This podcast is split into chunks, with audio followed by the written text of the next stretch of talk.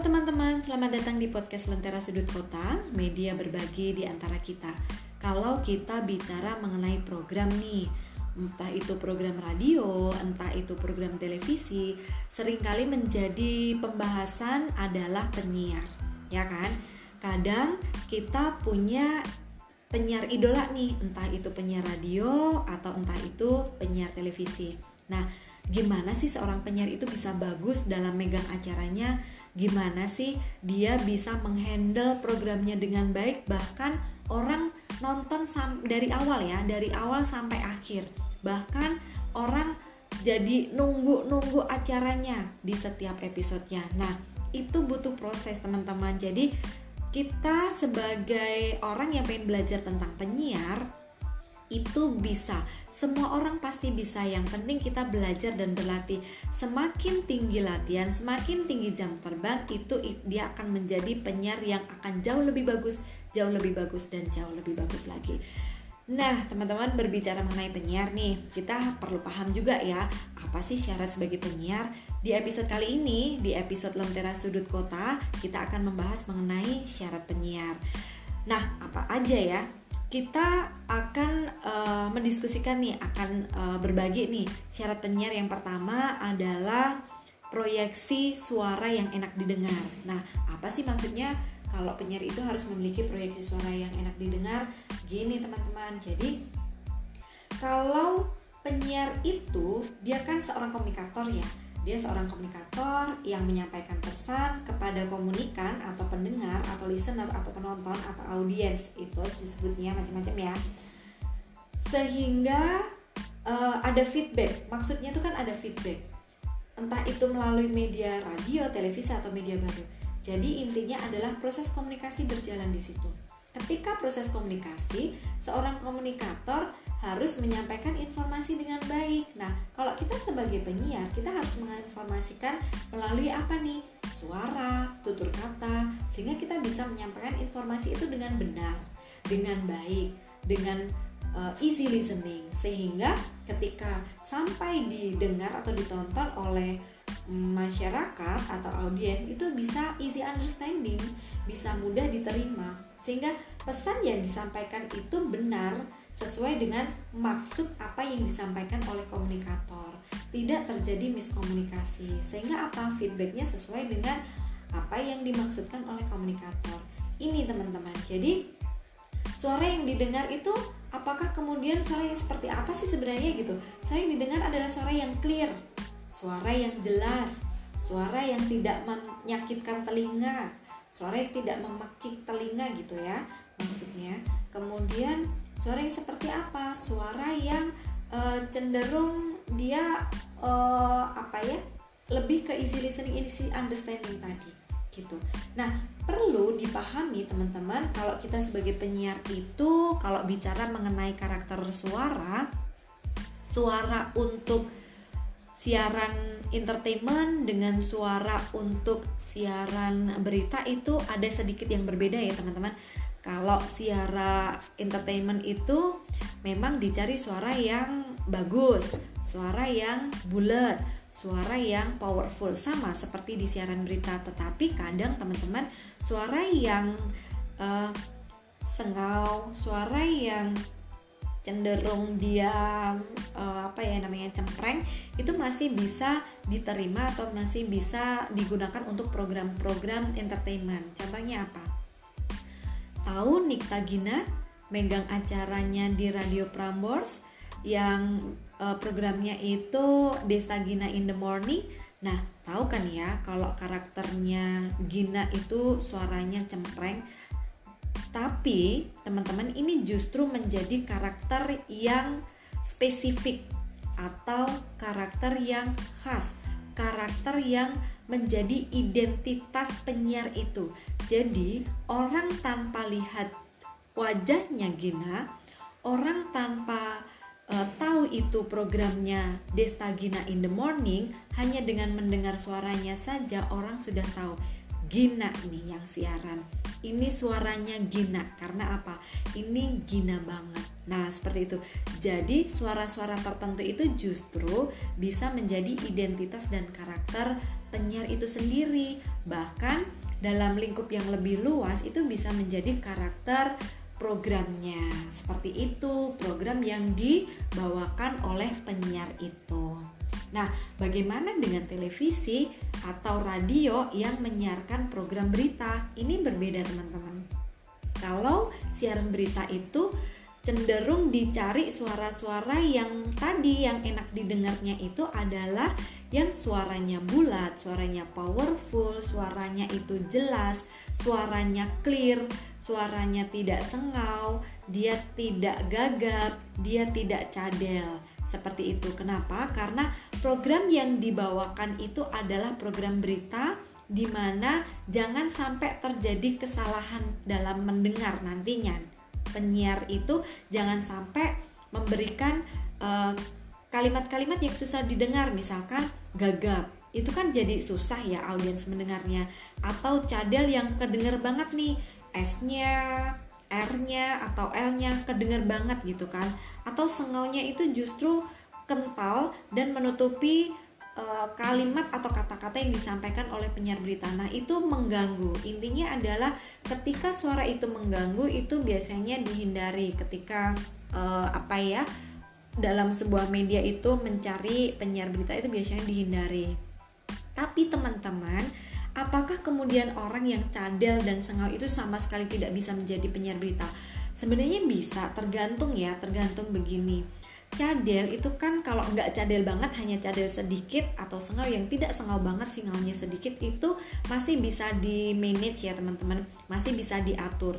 Nah meskipun tidak hilang banget nih S-nya atau cadel R-nya atau cadel L-nya tetapi selama dia masih bisa clear berbicara selama dia masih enak didengar dan jelas itu masih bisa menjadi penyiar berita. Seperti itu. Jadi jangan khawatir teman-teman yang uh, punya kelemahan cadel itu bisa diatasi. Dan teman-teman kelemahan itu bisa ditutup kok. Kalau misalkan kita cadel tetapi kita smart kita memiliki teknik wawancara yang bagus kita memiliki pengetahuan yang luas itu bisa menutup kelemahan sedikit kelemahan kita yang cadel itu tadi gitu. Selama cadelnya itu tidak mengganggu suara kita biar tetap clear, biar tetap jelas. Seperti itu ya. Nah, kemudian syarat yang kedua adalah kita smart. Seorang penyiar itu dituntut memiliki kecerdasan yang baik. Kenapa? Karena seorang penyiar itu kalau apalagi kita berbicara mengenai penyiar berita ya, teman-teman. Penyiar berita atau penyiar bukan berita, program entertainment, informasi itu dituntut memiliki kecerdasan. Kenapa? Kadang siaran radio itu kita butuh improvisasi. Kalau kita tidak smart kita akan kesulitan. Kita akan ngeblank kita akan stuck dan tidak bicara tidak bisa punya ide apa gitu. Apa ya apa ya gitu kan. Nah uh, smart itu juga dibutuhkan ketika kita melakukan talk show misalkan. Kita menghadirkan wawancara di studio kita kalau tidak smart itu ketika wawancara kita tidak akan bisa mengimbangi uh, narasumber ya kita tidak akan bisa berimprovisasi ketika narasumber sudah menjawab kemudian kita seharusnya melakukan pertanyaan lanjutan gitu. Tapi karena kita tidak smart akhirnya ya kita ngeblank bingung gitu kan. Bisa jadi kita menanyakan apa yang sudah kita tanyakan sebelumnya. Nah itu kan jadi failed gitu kan. Nah yang ketiga teman-teman terutama ini ya terutama mereka yang penyiar berita itu sebaiknya memiliki uh, dituntut ya dituntut memiliki good journalistic background. Jadi dia memiliki background jurnalistik. Apalagi program berita itu kita dituntut sering kali nih penyiar juga tidak hanya menyiarkan saja tetapi kita juga liputan. Bikin berita. Bahkan kadang kita dituntut nulis berita loh teman-teman. Jadi ini adalah penting bagi seorang penyiar berita untuk mengetahui background jurnalistik dengan baik seperti itu. Kemudian syarat yang keempat adalah general knowledge background dan uh, yang lainnya adalah kita harus menguasai information behind information. Kalau bicara mengenai general knowledge background ini adalah kita harus tahu ya informasi-informasi umum apa sih uh, yang berkembang di masyarakat saat ini apa sih istilah-istilah yang terus berkembang apa sih istilah-istilah yang secara umum diketahui oleh masyarakat? Nah kita harus tahu. Jangan sampai hal yang sebenarnya itu tidak terlalu teknis sebenarnya seharusnya orang itu tahu tetapi penyiar tidak tahu gitu kan. Itu jadinya duh gimana sih penyiar? Masa nggak tahu sih uh, istilah-istilah ini? Padahal orang udah banyak tahu. Jadi informasi-informasi umum pengetahuan-pengetahuan umum itu kita harus tahu. Contohnya apa? Misalkan di Indonesia uh, Yogyakarta tuh berada di pulau mana sih? Kan nggak nggak lucu ya seorang penyiar aduh Yogyakarta di mana sih? Nah kayak gitu. Kecuali kalau itu memang berada di uh, luar negeri sehingga oke okay lah karena mungkin penyiar itu belum pernah ke sana jadi maklum gitu. Tapi kalau misalkan benua Eropa benua Amerika seperti itu tidak tahu itu kan jadi lucu aja gitu. Atau mungkin Pancasila Pancasila itu ada berapa sila. Hal-hal yang umum itu kalau penyiar tidak tahu jadi lucu gitu. Nah sementara information beyond information itu apa? Kalau information beyond information adalah kita menguasai, kita memahami informasi-informasi latar belakang. Misalkan kita mau mengangkat topik tentang COVID atau kita mau mengangkat topik tentang program vaksinasi, ya kan? Nah, dalam talk show kita harus kuasai dulu tuh temanya. Apa sih vaksinasi yang dimaksud? Misalkan vaksinasi COVID-19 ya sekarang ini yang sedang digulirkan oleh pemerintah. Nah, uh, sejak kapan programnya, apa nama vaksinnya, kemudian vaksin ini dari mana, siapa saja yang ditargetkan, dan bagaimana program pemerintah, eh, bagaimana proses atau cara eh, apa namanya vaksin itu diberikan atau programnya itu dari mana aja? Eh, kapan target pemerintah? Nah itu kita harus tahu gitu. Information beyond information. Nanti ketika kita wawancara dalam sebuah talk show kita akan bahan kita akan bisa uh, apa ya istilahnya mengikuti apa alur yang disampaikan atau pada saat tanya jawab yang dilakukan antara penyiar dengan uh, narasumber. Seperti itu. Kemudian teman-teman seorang penyiar juga harus memiliki announcing skill atau teknik announcing yang bagus, baik itu power suara, baik itu tempo berbicara, baik itu intonasi, artikulasi, stressing, kemudian jedanya seperti apa. Nah, itu kita harus pahami. Kemudian syarat selanjutnya adalah self confidence, teman-teman self confidence ini adalah percaya diri tinggi. Gimana kita bisa membuat atau menghandle, memegang program kita dengan baik dari awal sampai akhir kalau kita tidak percaya diri. Bagaimana kita melakukan wawancara kepada orang, kepada narasumber kalau kita tidak percaya diri. Nah, gimana kita bisa membangun percaya diri? Kita harus uh, perhatikan tiga hal. Yang pertama, kita harus kuasai konten yang kedua, kita harus kuasai peralatan teknis yang akan kita gunakan. Kadang kalau kita masih riuh ya masih bingung mengoperasikan peralatan misalkan kita siaran radio ini kita pakai berapa komputer kita pakai audio mixer itu gimana sih uh, kita istilahnya apa ya menghandle beberapa peralatan sekaligus misalkan ada telepon masuk kita naikkan atau turunkan feedernya, kemudian bagaimana menaikkan turunkan beberapa mic misalkan kita menghadirkan narasumber beberapa lebih dari satu gitu ya. Kemudian kita juga mengatur feeder untuk mic penyiar atau kita sendiri bagaimana kemudian kita harus mengoperasikan komputer ketika kita harus mengklik atau menyiapkan back sound dan segala macam. Sementara kita harus melakukan wawancara setelah itu kita juga harus menghandle uh, apa namanya mengantarkan musik untuk uh, jeda gitu kan. Nah, itu kita harus kuasai nih peralatan.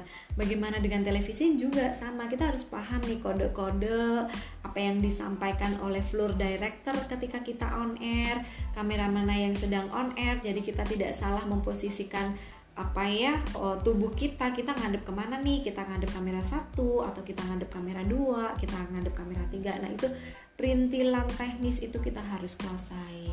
Yang ketiga adalah kita harus bisa menghandle atau memanage emosi kita. Kalau kita sudah tidak bisa istilahnya stabil emosi kita ya kita nanti bisa nervous gitu kan ada beberapa strategi teman-teman untuk menjaga biar kita tidak nervous kalau mau siaran atau di tengah siaran itu nanti kita ada episode tersendiri gitu ya. Intinya bahwa kita harus perhatikan tadi untuk menjaga self confidence kita harus kuasai materi kita harus kuasai peralatan teknik yang kita gunakan dan kita kuasai emosi diri kita biar tidak ngeblank seperti itu. Itu teman-teman beberapa syarat biar kita bisa menjadi penyiar yang bagus gitu kita pahami dulu tentang syarat-syarat penyiar. Nah, oke okay, demikian untuk lentera sudut kita kita hari ini untuk uh, berbagi media di antara kita hari ini sampai ketemu di episode selanjutnya.